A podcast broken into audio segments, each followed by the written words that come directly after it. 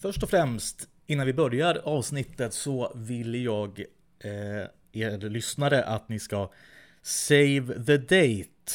Det är nämligen så att den 2 september, alltså helgen innan som Galenskapen och After Shave firade 40 år tillsammans, så kommer det troligtvis att bli en liten, liten gaskväll, en liten gasfest i Stockholm. Och troligtvis på Scalateatern. Det är, blir en ganska anspråkslös eh, kväll. Eh, och inget, inget direkt är bestämt. Eller sådär. Utan det är mest en save the date och det kommer komma mer information om den här kvällen eh, ganska snart.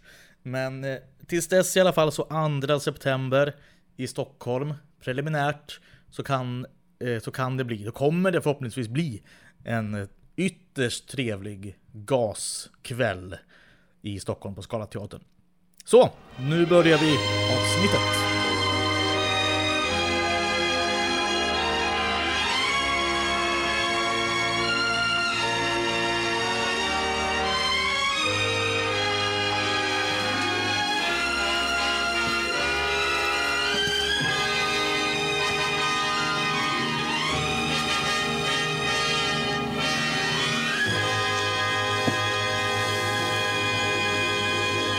Hej och välkommen till en himla många produktioner. Och det är ju den podcasten som ni känner till eh, som är den enda podden som pratar om Galenskapen och After Shave på ett väldigt finurligt och trevligt sätt. Idag ska vi prata om Tornado, vilket ju är en vattendelare av Guds nåde. Men först ska vi prata om Viva la Mamma. Vad är nu Viva la Mamma? Jo, det är en opera på Göteborgsoperan. Och eh, jag hade den stora äran att vara på plats under premiären. Viva la Mamma är alltså en eh, opera som är skriven utav Gaetano e Donizetti. Men som eh, eh, vår kära vän Claes Eriksson har fått den stora äran att regissera och skriva ny eh, svensk text. through.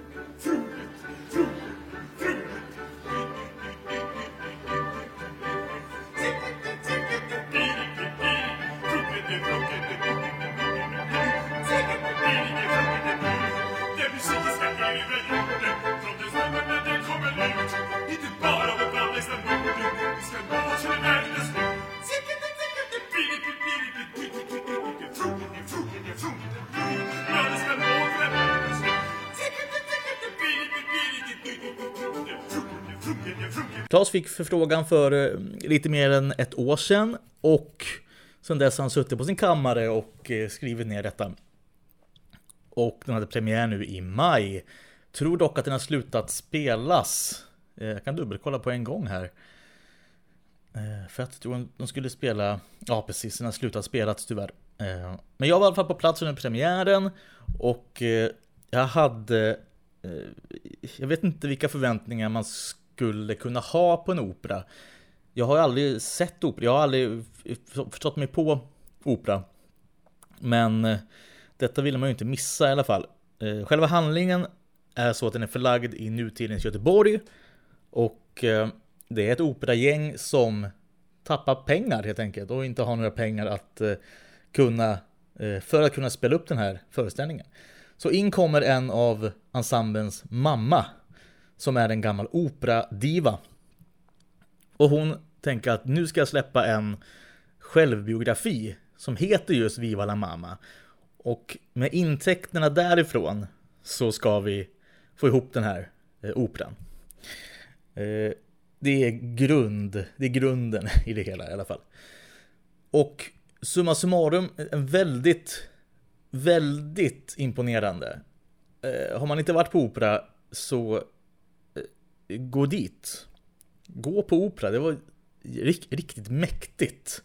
Och eh, det, det här var på svenska, men det fanns då textremsor uppe i taken över scenen som man kunde hänga med väldigt bra. För man hör ju faktiskt inte vad de sjunger eh, ibland. Och eh, väldigt imponerande att det är ju inte några mikrofoner eller så, utan de sjunger verkligen. Det, det är De har sånt satans bra klang, som, som vi proffs brukar säga. Eh, så att det är otroligt imponerande och eh, eh hela ensemblen var otroliga. Man märkte verkligen att det var en Claes Eriksson föreställning på så sätt att eh, den hade ju scener som skulle kunna vara hämtade ur ja men Spargrisarna kan rädda världen eller Monopol för den delen. Och slut slutorden i det hela var alltså När den fina konsten faller tappar ansiktet och brallor kan man rädda det med skvaller. Vilken härlig ironi. Tycker det var så otroligt fin och intressant avslutning på det hela. Och som jag skrev tror jag någonstans i någon grupp eller på Instagram kanske att det är som hämtat ur Monopol, kanske. När den sköna konsten faller tappar ansiktet och brallor kan man rädda den med skvaller. Vilken härlig ironi. Mm, det är väldigt fint.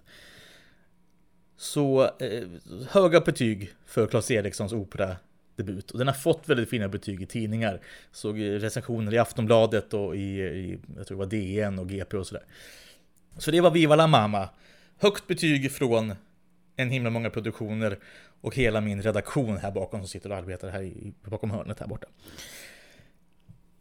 Det börjar närma sig en 40-årsfest, eh, en 40-årsjubileum och jag hoppas ju att vi kommer få någon information om vad som händer snart. Jag personligen, eh, har jag säkert sagt förut, tror ju inte att det blir något större eh, maskineri. Eh, eftersom att Lorensbergsteatern är bokad ganska många datum i september, oktober, november. Så något stort blir det inte, det hade vi inte förväntat oss, förväntat oss heller.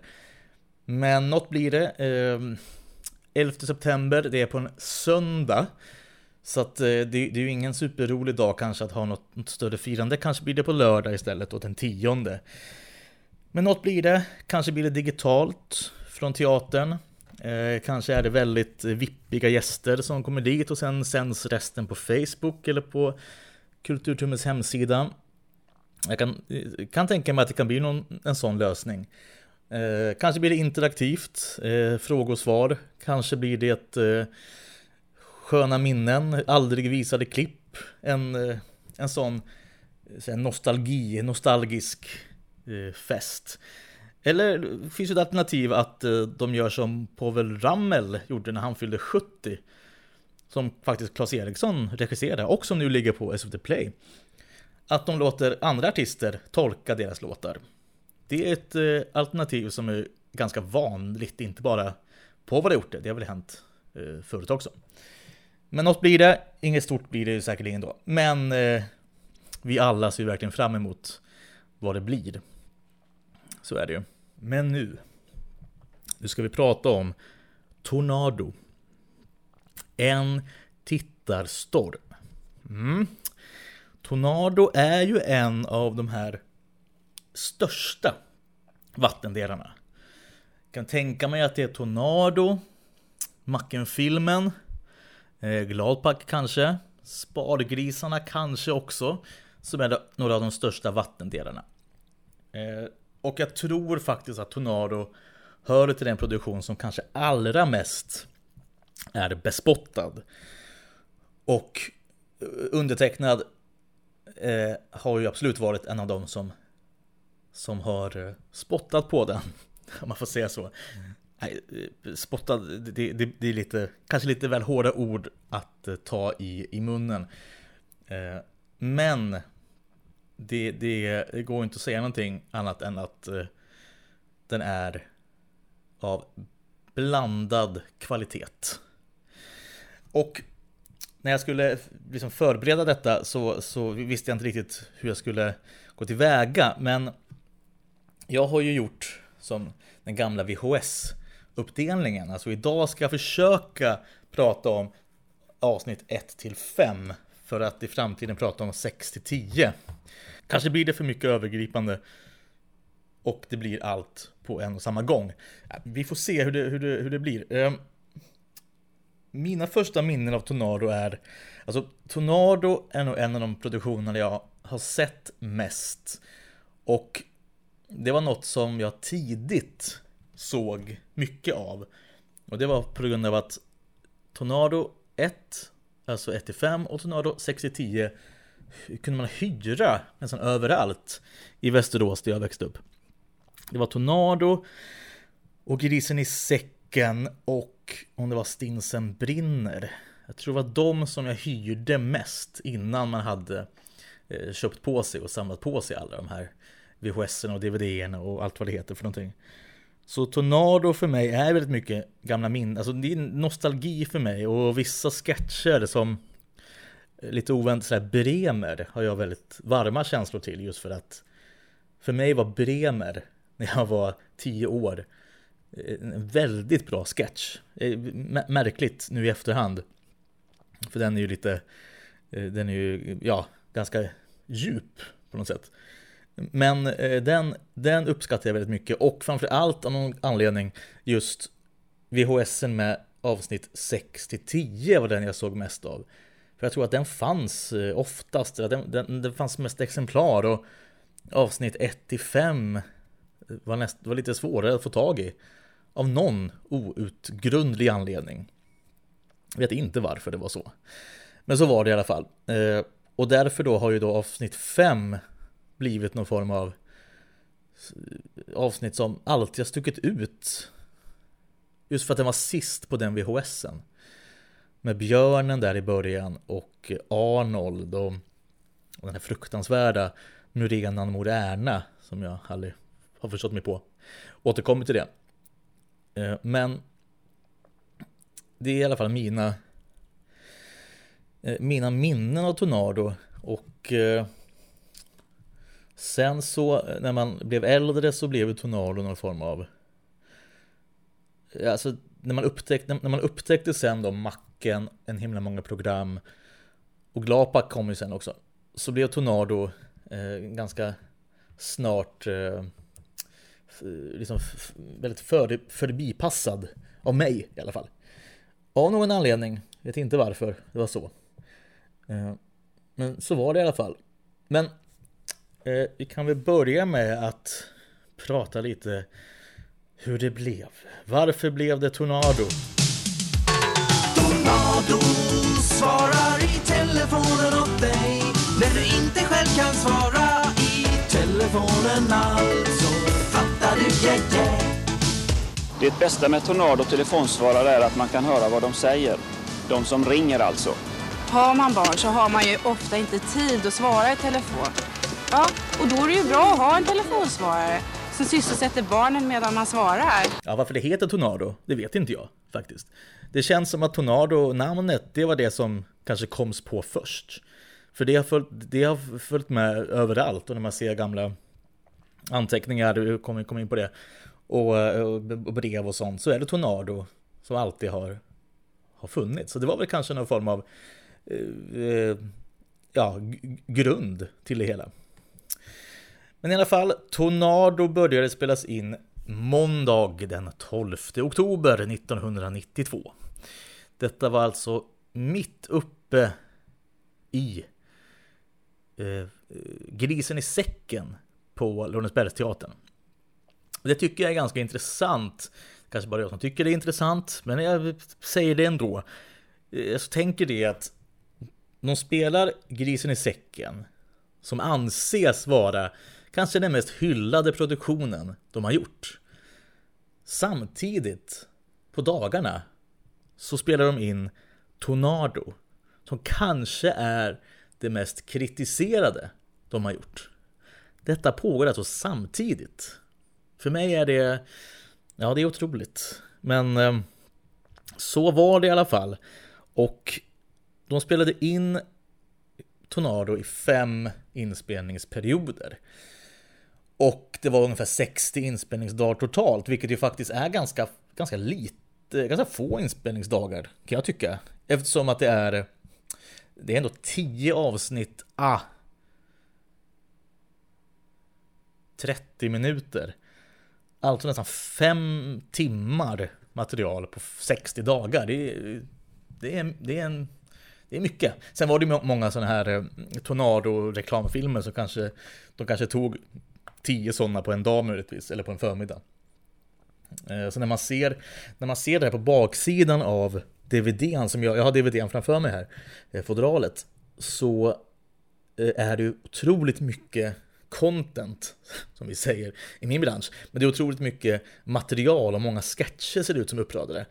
Men det är ju nästan, nästan mest är det ju som reklamfilmer som Ibland är det ju tre på rad. Så så det ser ju mer ut än vad det är egentligen. Ja.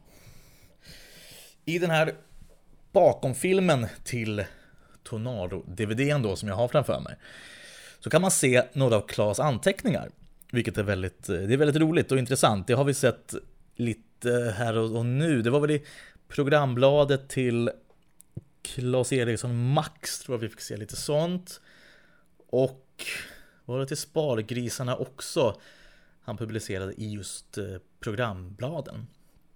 Men i, eh, i den här filmen får man se lite mer och då tar, han fram, då, då tar någon fram en perm säger jag, för man ser inte vem det är. Jag förutsätter att det är Klas som tar fram en perm som heter Tornado. På pärmen står det tv-serie 92, 1992. Då kan man fundera på om målet var att från början att det skulle vara 92 som det skulle komma eller inte. Ja, det är, det är sånt som, som ingen tänker på. Förutom jag. Eh, ja, i alla fall. Den 21 januari 1992 så skriver Claes Eriksson ett eh, telegram eller fax eller vad det kan vara till SVT till någon som heter Ingrid på SVT Drama. Där tackar för ett fint möte de har haft och han skriver vidare då att han ska börja sätta sig ner direkt och skriva på den här serien. Och han eh, ska försöka bli klar med det här manuset i april. Vidare skriver han att inspelningarna ska vara i höst från oktober och framåt. Vidare skriver han att inspelningarna ska vara i höst, i oktober-november och han eh, han skriver också att de ska kommer dela upp inspelningarna i perioder i och med att de har föreställningar på kvällen. Eh, de spelar alltså Grisen i säcken vid det här tillfället. Eh, och det verkar vara grönt ljus från den här Ingrid på SVT Drama. Och eh, efter det kommer några väldigt svårtydade anteckningar. Eh, ett, väldigt svårt att se vad det står faktiskt. Eh, det är också lite sådär halv VHS-ig upplösning på den här Eh, bakom filmen tyvärr. Men jag tycker jag kan läsa mig till eh, ett namn. En, ett ytterst intressant namn i, på, i, i de här sammanhangen. För det namnet är faktiskt Cesar Silverhauser. Det är ju operasångaren från Macken. Han som sjunger Romans 3 eller 12. Intressant att veta vad, vad han skulle göra i Tornado. Sen ser jag också på samma sida, eller möjligtvis andra sidan, en sida eh, efter det, så står det att Görel stånkar korv. Vilket lämnar mer frågetecken än svar. Men det verkar faktiskt vara någon form av manus till en sketch med Görel och Jan från Grisen i säcken och från en himla många program. Och eh, det finns tre stycken, eh, lite dialog här, tre repliker. Vad gör du Görel? Jag stånkar korv. Vi ska ju till kyrkan. Mm. En scene. På samma papper, lite över där, så står lite namn. Det står Pigan Luta och Mor Muta och lite liknande sådana varianter. Och, då tänker jag, analys, kolon. Är det så att en Görel och Jan-sketch till slut blev Veden är slut, alltså Mor Tuta? Eller var Görel och Jan-scenen kanske ett embryo av vad som sen blev Mord i skutan? Kanske. Vi har inga svar, vi har bara massa frågetecken. Ytterst spännande.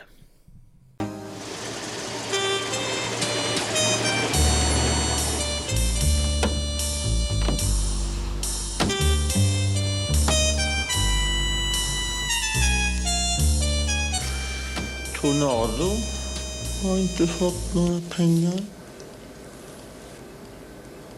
Tornado. Alla andra har gått över till Tornado, Björklund. Tornado. Det är tryggast så, tyckte de. Du ska också gå över till Tornado. Men jag har ju redan ett försäkringsbolag. Glöm det, Björklund. Du ska byta till Tornado. Annars kommer du och din lilla fina salong strimlas med marken.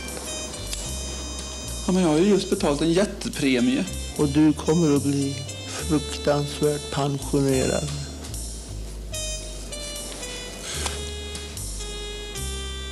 Oförmögen, helt enkelt. Jag ska betala. Det är klart jag ska betala. Hur mycket gäller det? Försäkringsbolaget Tornado. När oron blir för stark. Sen ser vi då alltså Tornados tre stycken byggstenar, alltså grunden och fundamentet där hela Tornado-serien är uppbyggd på. Det är tre stycken. Det är inga upprepningar, inget programledarfjäsk och inga tv-parodier. Tornado skulle ha allt förutom just dessa tre. Passus är ju att Blomparaden är ju någon form av tv-parodi. Men Claes har ju sagt i någon intervju att Tornado skulle ju innehålla allt. Då var det ju tvunget att ha med en tv-parodi. Trots att eh, byggstenen nämner inga tv-parodier. Där har vi en paradox hög nivå. Nästan lika högt som Einsteins tvillingparadox. Tornado har alltså inga programledare, det, det, vet vi om, inga direkta sådana. Det enda vi har som röd tråd egentligen, det är ju fackellöparen. Det, det är ju logiskt. Det är klart vi ska ha en fackellöpare. Och det är ju lite märkligt kan jag tycka på något sätt att, att temat, eller det heter Tornado, i väntan på nästa OS. Det är logiskt, för 92 hade ju varit OS i Atlanta, var det väl? Sommar-OS, kan ha fel. Jag, jag, tror att det var Atlanta. Och då var det då tre år kvar till nästa OS då, om vi säger att det här är 93. Det var egentligen ett år kvar till eh, OS 94, för då var det vinter-OS. Men nästa OS 96, fan om inte det var i Atlanta 96, var det Seoul? Seoul 92? Los Angeles. Äh, vi, vi, vi, går vidare. Vi går vidare. I väntan på nästa OS, Tornado, en tittarstorm och en fackellöpare. Det, det är element som... Eh, ja, jag vet inte vad de här, de här fyra elementen riktigt, riktigt betyder, om man ska vara ärlig. Om man tittar på innehållet i Tornado, alltså sketcherna, nu tänker vi inte fackellöparen, utan nu tänker vi sketcherna och, och reklam reklamfilmerna så är det ju inte mycket, inte mycket tornados och inte mycket OS och inte mycket tittarstormar. Eh, men det är mycket fackelöpare. Men nu, de skulle vi tänka bort i, den här, i tankeexperimentet. Så det är ju en, en jäkla... Det, det är ju en liten absurd titel på den här serien. Eh, men eh, ja, vi har ju lärt oss att älska den titeln. Och det gör vi ju såklart. Tjusningen med cyklandet är kraftigt överdriven. Trots att kanske cyklaren nog är på offensiven. Där i fri natur han tager de pedala kliven. Optimistiskt blir han som förebild beskriven Nyttjande det sundaste av färdalternativen Men tyvärr, den tjusningen är kraftigt överdriven Cyklaren blir ofta lämnad ensam, övergiven Kämpande bland bilarna, en bitter strid på kniven vinglande i motvind som om vore han på driven! En annan sak som jag tycker är väldigt intressant med Tornado, det är ju det att alla i ensemblen har en monolog i Tornado. Det har jag skrivit här i mina anteckningar, men jag har inte radat upp de här, de här monologerna. Tänkte vi kan göra det live här nu, försöka hitta de här monologerna. Ja, vi börjar ju såklart med eh, sällsynta djur. Då har vi ju Klas, eh, är ju monologaren där. Russin poesi i, i andra avsnittet. Där har vi Anders Vi har tjusningen med cyklandet. Peter har ju sin monolog där. Sen kollar vi då, sen kollar vi då. Eh, eh, eh, eh, vad kan det vara då då? Eh, Ja... Vi har ju inga, vi har ju lite monologer sådär. Folkomflyttaren är ju en monolog på ett sätt och eh, badbollen är ju, fast det är ju väldigt uppklippt. Eh, fisheten hos min chef är ju ett typ av monolog, fast det är återigen, det är speaker. Eh, har vi någon Kerstin, Hur kan det vara? Är det Einstein? Det är ju inte heller så mycket monolog. Ja, monolog, Knut har ju Murena Moränan är ju någon form av monolog. Fast inte direkt så att det är eh, en monolog kanske om man jämför med de andra. Eh, en strävsam idé, ja det är ju inte monolog. Jag får inte helt ihop den här eh, teorin. Och det här är en teori, det här är ingen teori, det här är något som Claes själv har sagt i en intervju. Jag tror det var med, jag tror det var intervjun med Nemo Hedén, tror jag. Eller om det var, jag måste tänka, var det Nemo? Det var nog första intervjun med Nemo Hedén. Med Nemo Hedén, Nemo, Nemo möter en vän. Som man pratade eh, om detta. Eller om det var i möte, eller i samtalet med, eh, det finns ett en podd som nu jag tyvärr inte minns namnet på, men det är en präst, en kvinnlig präst som har en podd. Eh, och om man söker på Klas Eriksson på, i podcastappar så kan man nog hitta den här. Eh, en väldigt trevlig, ehm, en trevlig stund. Ja, men det, han har i alla fall nämnt det här i, i en intervju. Och om det är så att, att ni lyssnare eh, vet med er om vilka andra monologer som kan finnas här så, så skriv i, i kommentatorsfält i, på Facebook eller på Instagram. Så kan vi kanske få ihop alla de här som det ska vara då, eh, monologerna. Ja, men eh, ja, nu går vi, återgår vi till ämnet här. Varför har eh, alla en monolog i Tornado? Jo, det var för att 94 skulle lyckad nedfrysning av Hermore ha premiär. Och eh, det, det, hade han redan nu lite grann i tankarna. Eh, kanske inte just att det var Moro, men att det var en föreställning som har en annan ton och en annan pace. Eh, kanske som är lite mer djup, kanske lite mer seriös, lite mer lugn och lite mer, ja men lite annorlunda. Vilket ju Moro verkligen är. Och han ville helt enkelt förbereda och utmana sin ensemble genom att ge dem en varsin monolog. Så att de på något sätt kunde finna sig i den här eh, lite nya, inom citattecken kan jag säga då, tonen som eh, skulle komma med Moro. Och sen skulle den tonen kanske fortsätta också. Kanske inte alla ska bada har så mycket den extremt seriösa tonen, men Monopol har ju möjligtvis det. Casinofeber har ju också den typen av ton. Enskilda medborgaren, det här vi pratar det har jag nämnt eh, väldigt, väldigt ofta att den här perioden mellan ja, 96 och 06 var väldigt speciell i jämförelse med 80-talet till exempel. nu är vi på 90-talet, nu är vi på 92-93. Eh, vidare i den här filmen, den här bakomfilmen som jag, jag har fastnat i lite grann, är ju... Eh, det är lite bloopers och det är såklart eh, kul. Men det finns en väldigt otrolig scen där Kerstin då i tantmundering, och det här är nog det här är den här sketchen, eh, Bol, Bol-sketchen, heter sketchen Bolgalna folket? Ja, Kalle-Åke spelar Bol heter den i, i officiella sammanhang heter den så. Och då eh, blir hon då uppvaktad av en äldre man som ger, som ger henne blommor.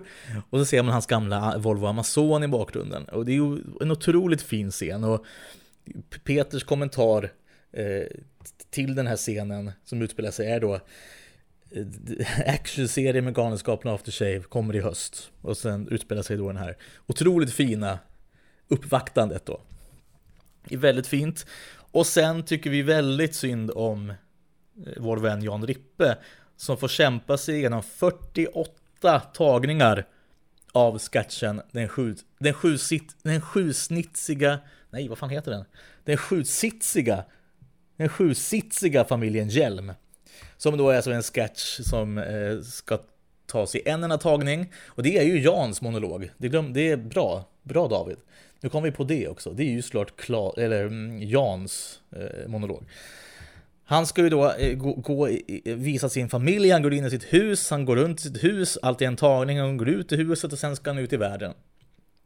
Och den här sketchen är väl kanske en tio minuter lång, möjligtvis. Och han, han tar om och han tar om och det blir fel, ibland säger han fel, ibland säger någon annan fel, ibland snubblar fotografen. Och, han tar om och, tar om. och sen då har vi, eh, efter eh, 28 gången, så hör man, hör man Peter då säga Jag lider med dig Jan. Och det tycker jag är fint. För efter 50 tagningar så satt den och eh, det är den vi ser då i serien. Annars då, vi har en speaker i Tornado som avslutar varje Eh, avsnitt. Det är Hans Pettersson. Hans Pettersson, kanske mest eh, känd eh, som Saga Noréns otroligt snälla chef. Han är en, en otroligt bra skådespelare, en otroligt underskattad skådespelare. Hans Pettersson.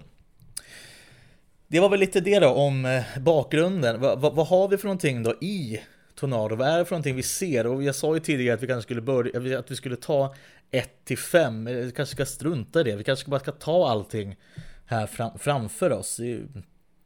Varför inte? Det är ju mycket roligare att ta allt eh, än, än, än för lite. Ja, alltså min, min spontana eh, idé här med Tornado är ju så här att här har vi ju för mycket. Varför är Tornado? Det är ju för mycket. Det är för, för långt. Det är för mycket kvantitet för kvalitet. Tio avsnitt. En himla många program hade åtta avsnitt. Åtta plus ett då, det blev ett, ett nionde sen. Det hade åtta avsnitt och det här tio avsnitt. Och till och med så tycker jag att en himla många program ibland kan vara så att det känns som ett, ett avsnitt för mycket. För det är också, det är 50 minuters avsnitt på en himla. Här är det 30 minuter då. Men det är, det är för mycket. Kanske skulle Tornado vara sex avsnitt som, som det på något sätt ska vara, inom citattecken. En komediserie ska väl vara sex avsnitt i Sverige. Och inte tio, för det finns ganska mycket som man känner att det här vill jag stryka. Jag har nämnt det innan, att jag tycker väldigt många, väldigt många sketcher är lite obehagliga. Tänker ju såklart framför allt på den otroligt obehagliga En strävsam idyll. Då så, Stolda lilla. Det var skönt att höra. Jag är så tacksam för varje dag som går och jag ser hur du stökar och bökar i köket och sköter om det här hemma. Det är en fröjd att skåda. Om du visste vilken lycka det är att ha ett sånt fint fruntimmer som du vid sin sida, Stolda lilla. Men om jag blev sjuk, vad skulle du göra då? Jag skulle väl ringa efter doktorn antar jag. Skulle du hjälpa mig eller inte? Skulle du resa dig ur den där gungstolen och ta några initiativ och komma med ett litet hjälpande handtag för att underlätta för din stackars sjuka utarbetade hustru? Det är inte säkert att det skulle falla sig så naturligt för mig att göra det, Stulla. Som jag sa har du ju skämt bort. Ja eller nej? Va? Svara. Skulle du hjälpa mig? Ja eller nej? Nej, jag tror inte du ska räkna med det, Stolla. Så försök du hålla dig stark och frisk. Det är, den, det är det mörkaste som Galenskapen Aftershave har gjort. Tillsammans med eh, Ronny är klar, som också är en otroligt mörk liten trudelutt och framförallt sketch och scen. Ronny är klar. Men det, det, finns ju mycket mer. Nu, nu tittar jag ju bara rakt upp och ner på, på eh, de här sketcherna. Också ganska obegriplig, Alltså i det gröna finns det en som heter. När Knut Anglet kommer och stör två stycken Två, ett, eller ett kärlekspar som sitter på ett café. Och sen brister han ut i sång och brister ut i an hour ago. Och sen ramlar han i, i eh, någon, någon å. Obegripligt. An hour ago An hour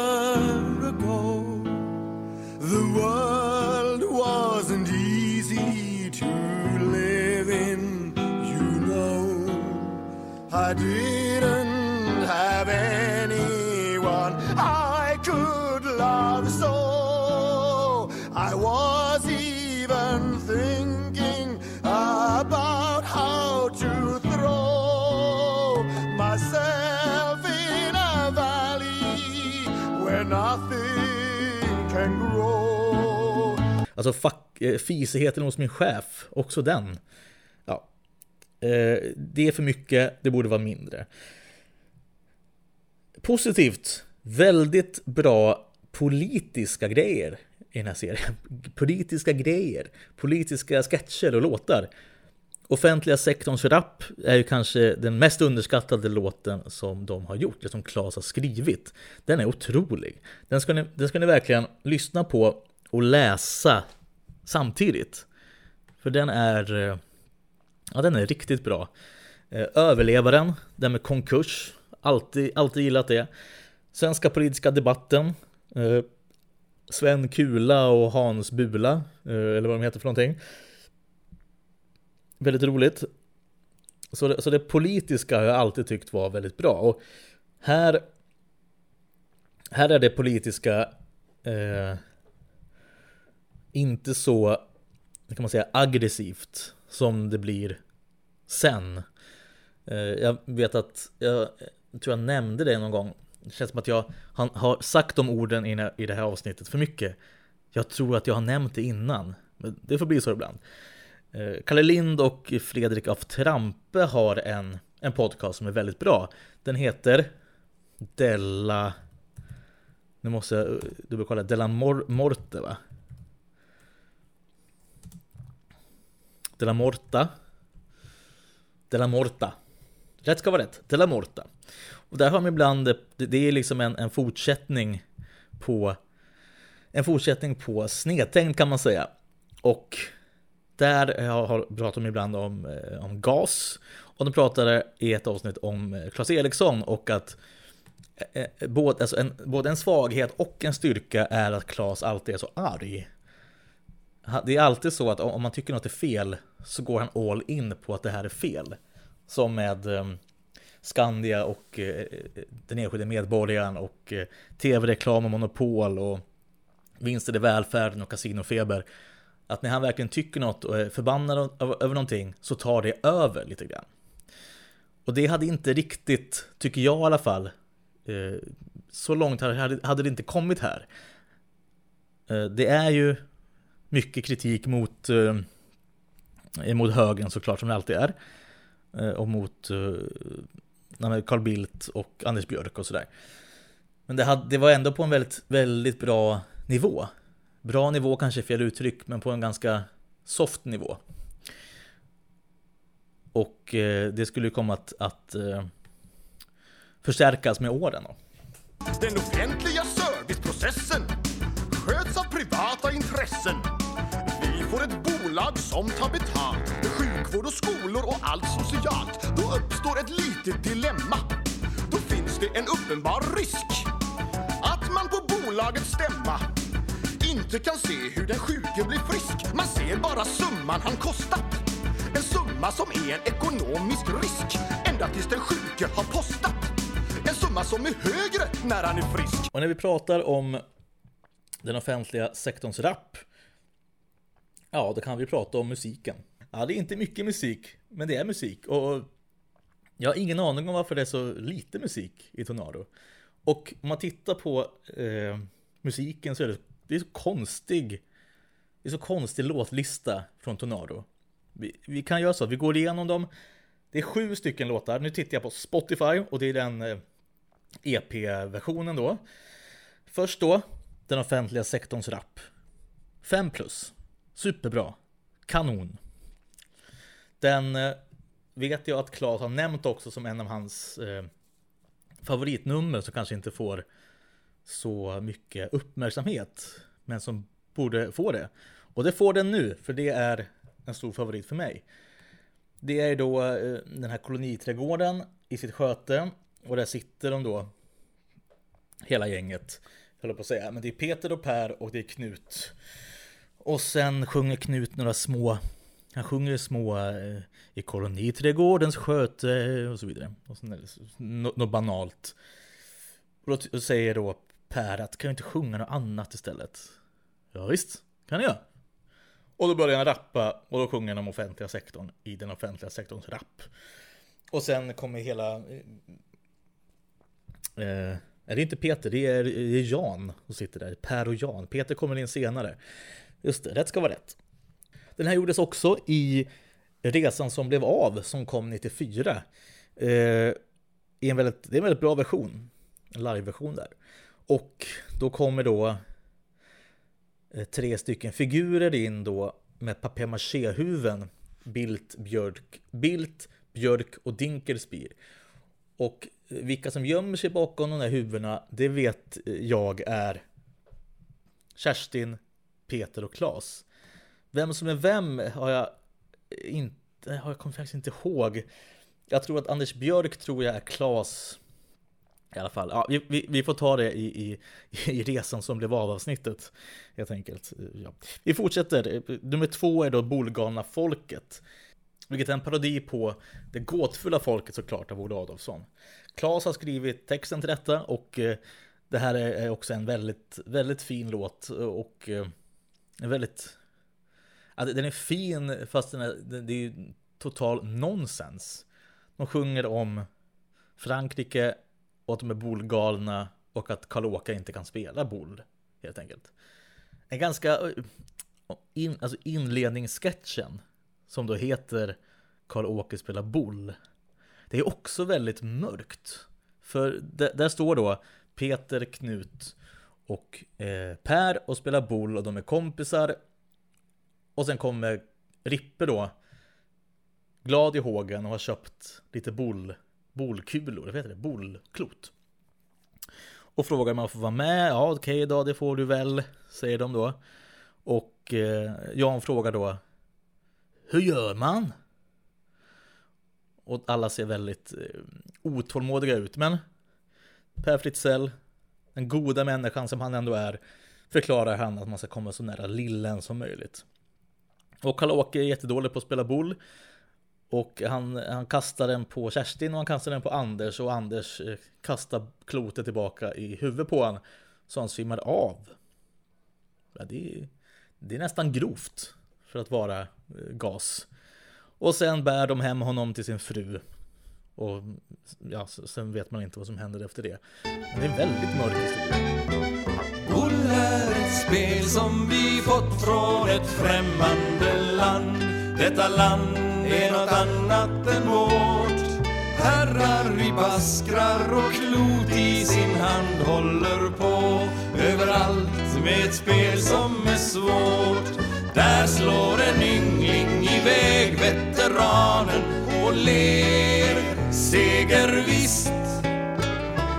Nästa sekund är han borta från planen och har blivit sist. Sen då, nummer tre. Här har vi, här har vi en av mina käpphästar. Det är alltså Ronny är klar. Och det är då från början Johnny Guitar som sjöngs av Peggy Lee.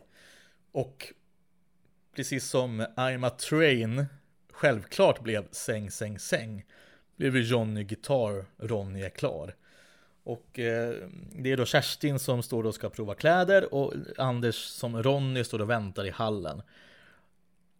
Och där, den lägenheten som det, detta utspelar sig i, det är samma lägenhet som om man ser på, nu är det väldigt, nu, nu hörni, nu får ni förbereda er på en, på en ganska smal referens. Men det är samma lägenhet som i extra materialet i Gladpack, när man får se lite grann liksom provfilmningarna för Henry och Bibi Fogeldias. Så bor de i den lägenheten även där. Så att, eh, jag misstänker ju att det kanske är Claes Erikssons lägenhet eller om det är mm, Anders lägenhet eller om det är Knuts lägenhet eller så. Det är Ronny är klar. Eh, långsam jag är är spår nummer fyra som också är en lite udda fågel i gassammanhang. I, I det här sammanhanget blir den ju väldigt rimlig på något sätt. Eh, jag har alltid gillat den här låten och eh, det är en fin, fin liten visa. långsam jag är. Klas eh, är en fotbollsspelare som inte kan, han kan inte springa. Långsam jag är, aldrig jag får någon enda boll under kontroll. Långsam jag är, stickarna som slås fram till mig hinner jag ej. Uh, väldigt fin. Det är eh, en Tore Skogman-låt som heter Ensam jag är. Som är grunden till det. Sen kommer en annan eh, jäkligt märklig låt. Det är alltså An hour ago. Och det är en låt som... Eh, jag vet inte. Det, det är Claes som har skrivit denna låt, text och musik. Och eh, jag, jag får liksom ingen grepp om vad det här är för låt. Det... eh, Knus sjunger ju väldigt fint och... eh, Nej, jag vet inte, jag, jag, jag vet inte vad jag ska säga om detta. Det, det, det är en udda sketch, det är en udda låt. Eh, Det är udda, det är mycket som är udda. Tycker jag i alla fall. Ja, spår nummer 6, Paul har köpt en badboll. Eh, en rolig sketch och en, en väldigt, väldigt gullig sketch. Och låten här, det är ju inte Kerstin som sjunger, det gör hon i Resan som blev av sen. Utan det är, ska vi se om vi hittar det här, Kajsa Olsson heter hon. Kajsa Olsson. Kerstin sjunger låten i, Resan som blev av. Kajsa Olsson sjunger i, i Tornado. Sist men inte minst har vi en annan liten udda fågel. Why are you sending me postcards? Detta är den sista, sista låten, den sista sketchen i Tornado. Klas står med ett positiv. Misstänker att det är samma positiv som är med i, i ja, Klas Eriksson so, nej, Max var det väl. Uh, är det samma eller samma melodi? Tror inte det. Jag tror också det är samma positiv som han, han stod när de spelade jul, jul, jul så stod alltid Klas och Karolina Häckner utanför ett, eh, både Kinateatern och Lorensbergsteatern och hade lite, ja, lite show sådär. Why are you sending me postcards eh, tycker jag är en väldigt bra låt. Också en låt som är ja, är lite udda och som verkligen inte, det känns som att alla de här låtarna i Tornado, de skulle inte passa in någon annanstans. Alltså inte, det finns inte en produktion som någon av Tornado-låtarna skulle passat in i. Möjligtvis att Why are you sending me postcards kan jag se i en himla många program. Men det är nog den enda också. Offentliga sektorns rap skulle ju kunna ses i ett allt möjligt. Eller då Resan som blev av som den också är med i. Men annars är det här, det, det känns som att det verkligen är det är låtar som inte hittade någon annan plats. Jag tycker det är så konstigt att det inte är fler låtar med. I Macken är det ju tre låtar per avsnitt. I en himla är det också typ två låtar per avsnitt. I Gladpack är det ju tre låtar per avsnitt ibland. Även om de inte var så långa så var det ändå tre unika låtar per avsnitt. Och här är det sju låtar på tio avsnitt. Och ingen förutom kanske offentliga sektorns rap är liksom en som skulle kunna vara någon form av hit. Om ni förstår vad jag menar. Jag tycker det är märkligt just för att och, och sen är det alla, förut, alla låtar förutom Okej, okay, hälften av låtarna kan jag säga är ju då några, Vänta här.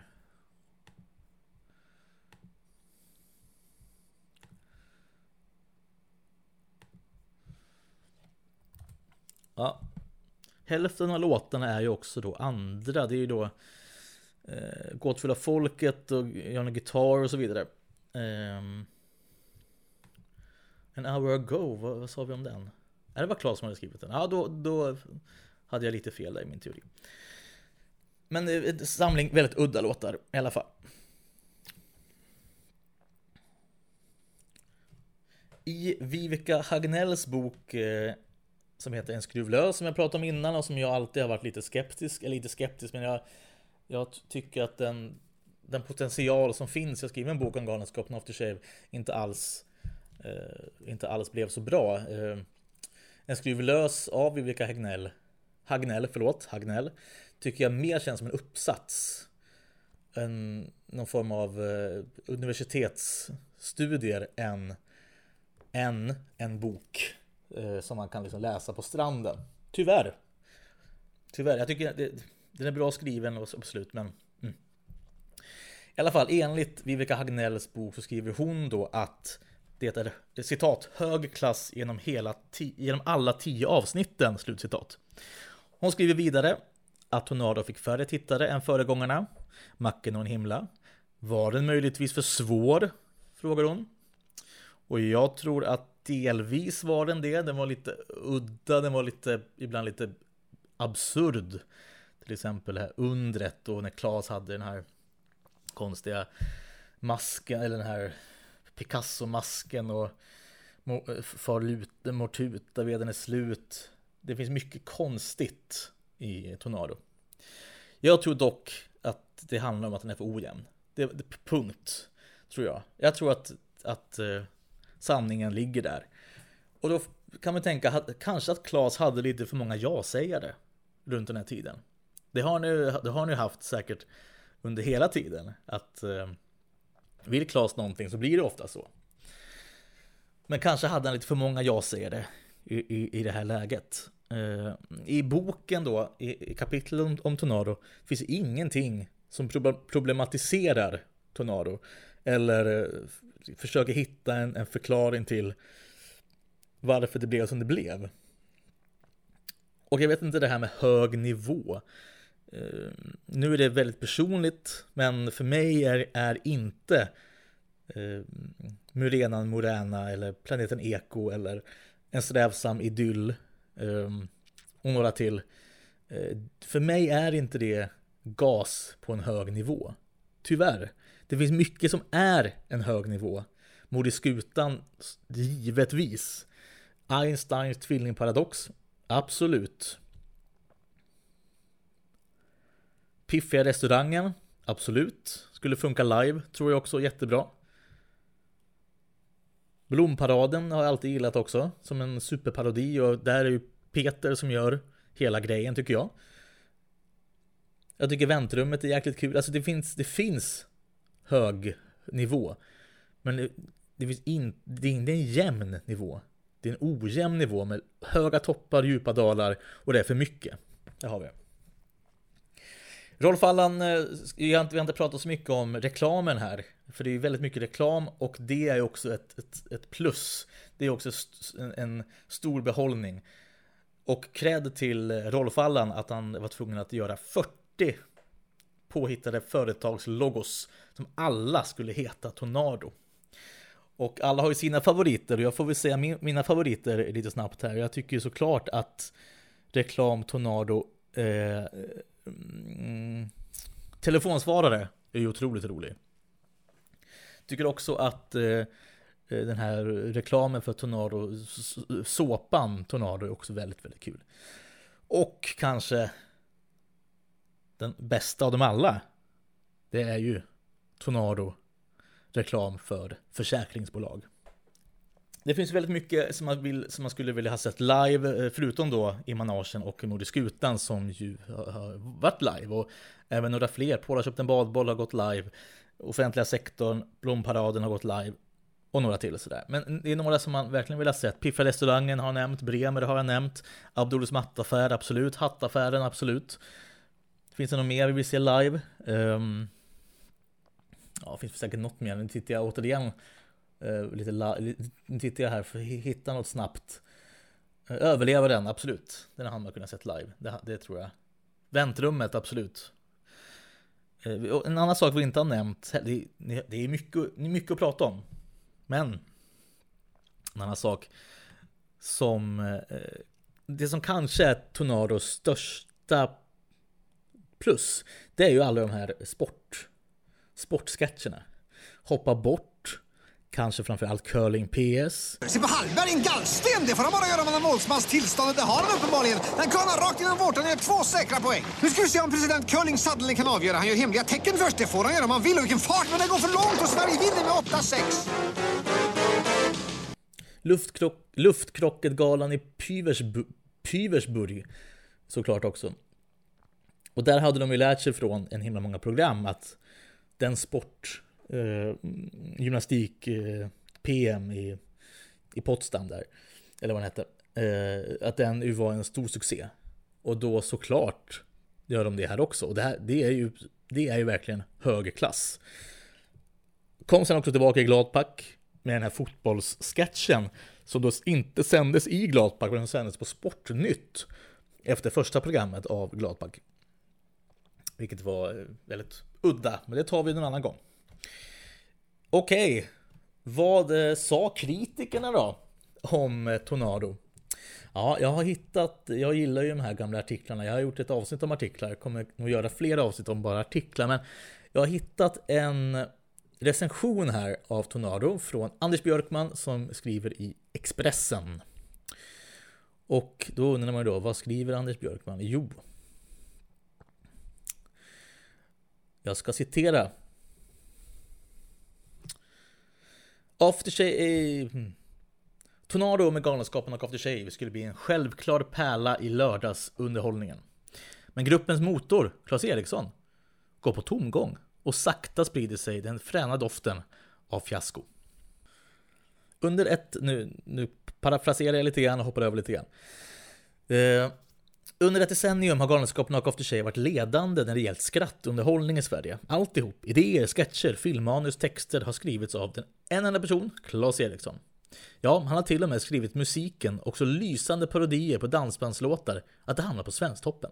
Tornado spelas in sommaren, äh, spelas in under sommaren och har klippts av Claes Eriksson medan han spelar grisen i säcken på kvällarna. Han ligger efter i tidsschemat och har väl ännu bara hunnit med 5-6 program av 10 halvtimmar trots att nummer 3 gick i lördags. Det här var alltså efter tredje avsnittet. TV-kritiker har förvånat och nästan lite förolämpat skrivit att de inte skrattat en enda gång. Publiken har försvunnit med en hastighet av 200 tittare per avsnitt. Själv har jag haft ohyggligt svårt att hålla mig vaken. Maken till utdragna sketcher har aldrig visats i svensk television. Den i hattaffären pågår i oändlighet. Den i galleriet pågår lite längre. Det tror jag han menar eh, galleriet då. Eh, Chicago är väl den mest känd för. Eller om det möjligtvis är den sketchen eh, mm, där de pratar om vad som är konst. Och den här fisk, frysta fiskgratängen. Någon av de två. Säkert den senare. Man känner igen typer, figurer ur Clas Erikssons galleri.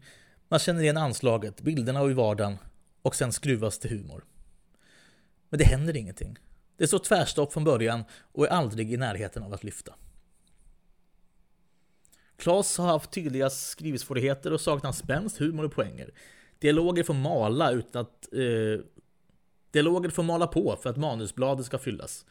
Nu sitter den under tidspress och försöker klippa ihop roliga halvtimmar, men märker att det som är inspelat inte håller. Korta, klippa ner, spola vissa sketcher. Det har han inte råd med. Det ska räcka till tio avsnitt. Jag har ett förslag. Om Tornado fortsätter tappa en, halv, eh, en kvarts miljon tittare i veckan är publiken ändå slut om några veckor. Därför kan kanal 1 korta ner serien och låta Claes Eriksson packa sitt material hårt i ett par halvtimmesprogram. Galenskapen After Shave har en stor och mycket välförtjänt popularitet. Men TV kan vara en mördare. Släpp Claes Eriksson fri! Släpp Claes Eriksson fri innan han förbrukat hela förtroendekapital som en himla många program ingen skrattar åt. Ja, förlåt, nu sluddade jag lite grann på slutet. Men jag tycker det var intressant eh, syn på det. Tornado som ju blev väldigt, väldigt kritiserad när den kom där i, när den sändes i, eh, i, i eh, hösten, hösten 93. Claes Eriksson svarar ju sen då såklart på detta. Han ogillar kritiker, han ogillar framförallt recensörer, recensenter och tycker att det är det sämsta vi har. Claes Eriksson har väl sagt någonting i stil med att det är parasiter. Helt enkelt. Ja, det vet jag inte om jag håller med om, men... Jag ska kolla här. Vad säger Claes Eriksson? Jo, han svarar Anders Björkman och skriver att jag har aldrig jobbat så hårt med någonting tidigare. Det här är det bästa vi har gjort.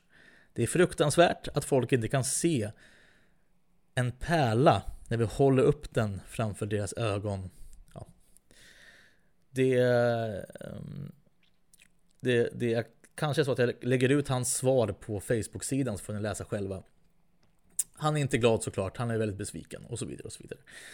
Eh, och det eh, är ju han mår ju väldigt dåligt av recensörer, recensenter. Att jag inte ens vet om det heter recensörer eller recensenter, det är otroligt. Han mår ju dåligt av dem och jag tror att Anders Björkman är väl en sån som sitter på som sitter på, eh, är med på Klas svarta lista. Han har ju nämnt att han har någon sån. Eh, sådär. Men lite oväntat då kom det en recension i december i Dagens Industri tror jag va? En recension av Tornado EPn då. Den får 4 av 5. Och, och eh, recensören tycker då eh, att eh, offentliga sektorns rapp är en överraskande skoningslös bredsida mot nyliberal nedrustning av allt förutom försvaret. Och eh, jag tycker väl det är ganska en ganska bra, fin avslutning på detta. Alltså Bildt, Björk och Dinkelspiel med er vid resa får, alla i samma bil, tillbaka hundra år. Tornado har vi pratat om, eh, det blev, det blev inte avsnitt 1 till 5, det blev nog hela Tornado. Möjligtvis att Tornado får återkomma och eh, man kan göra mycket roliga listor av Tornado. Det ska gudarna veta. Jag hade faktiskt kontakt med en, en, en lyssnare till er, jag lyssnade till er, Jag lyssnade till podden som heter eh, Marcus. Och eh, eh, jag frågade honom vad han tyckte om Tornado och han, och han tycker då att, att, eh, att, att, det är en favorit för, för honom. Eh, han, han gillar Einstein, han gillar Mord i skutan, Borgarna Folket och så vidare. Han skriver också något intressant som jag håller med om väldigt mycket. Att när man såg det första gången var det svårt att förstå allting. Men när man såg den andra gången, och kanske man blir lite äldre, så faller det mesta på plats. Och då tycker jag sammanfattar Tornado också ganska bra att man kanske måste se det några gånger för att förstå det. Nu har ju, jag har ju sett det väldigt många gånger, det har ju säkert ni också. Eh, men att det är en sån serie som måste växa lite grann. Man måste kanske lyssna lite extra och titta lite extra på vad de verkligen säger och gör. Då kanske man kan uppskatta Tornado lite mer än vad man, vad man kanske tror och vad man kanske gör idag. Tornado, sätt på DVDn. Jag tror alla avsnitt finns på YouTube. Kolla igenom det igen, ge en andra chans. För det finns väldigt bra guldkorn. Även om jag varit väldigt kritisk under det här avsnittet. Eh, så, så är det ju ändå, det finns otroligt bra guldkorn i Tornado. Tills nästa gång. Och glöm inte bort att hålla utkik på sociala medier om den här gas gasfesten är kanske mycket, lite mycket att säga. Gaskvällen vill jag nog kalla det. Information kommer om det. Ehm, det var allt för denna gång. Det är juni. Det är väldigt fint väder ute. Jag får önska er en väldigt trevlig midsommar. Och jag hoppas att vi hörs snart igen. God afton. God afton. God afton.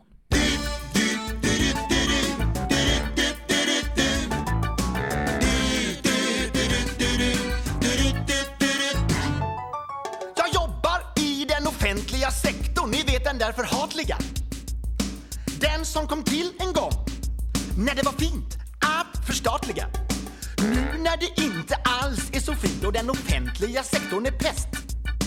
Då har jag grunnat på varför och vill formulera en protest. Precis som jag skyddar snoppen med kondomer så skyddar sig samhällstoppen med ekonomer Det verkar som Carl Bildt har fått för sig att han har rätt bara för att man hade fel i Sovjet.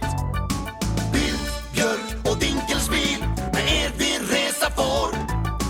Alla i samma bil, tillbaka Berlin kanske blivit en ruin Men bara i praktiken, inte i teorin. Jag står ju där, ännu så mörk. Mitt mellan öronen på Anders Björk Men bara för att de har fel i Sovjet. Betyder det väl inte att Anders Björk har rätt? Man blir både björkrädd och mörkrädd och nedtryckt i skon. Och vilsen i tron och undrar vad som hänt. Vilket argument! Har man alltid rätt? För egen del när det visar sig att andra har fel?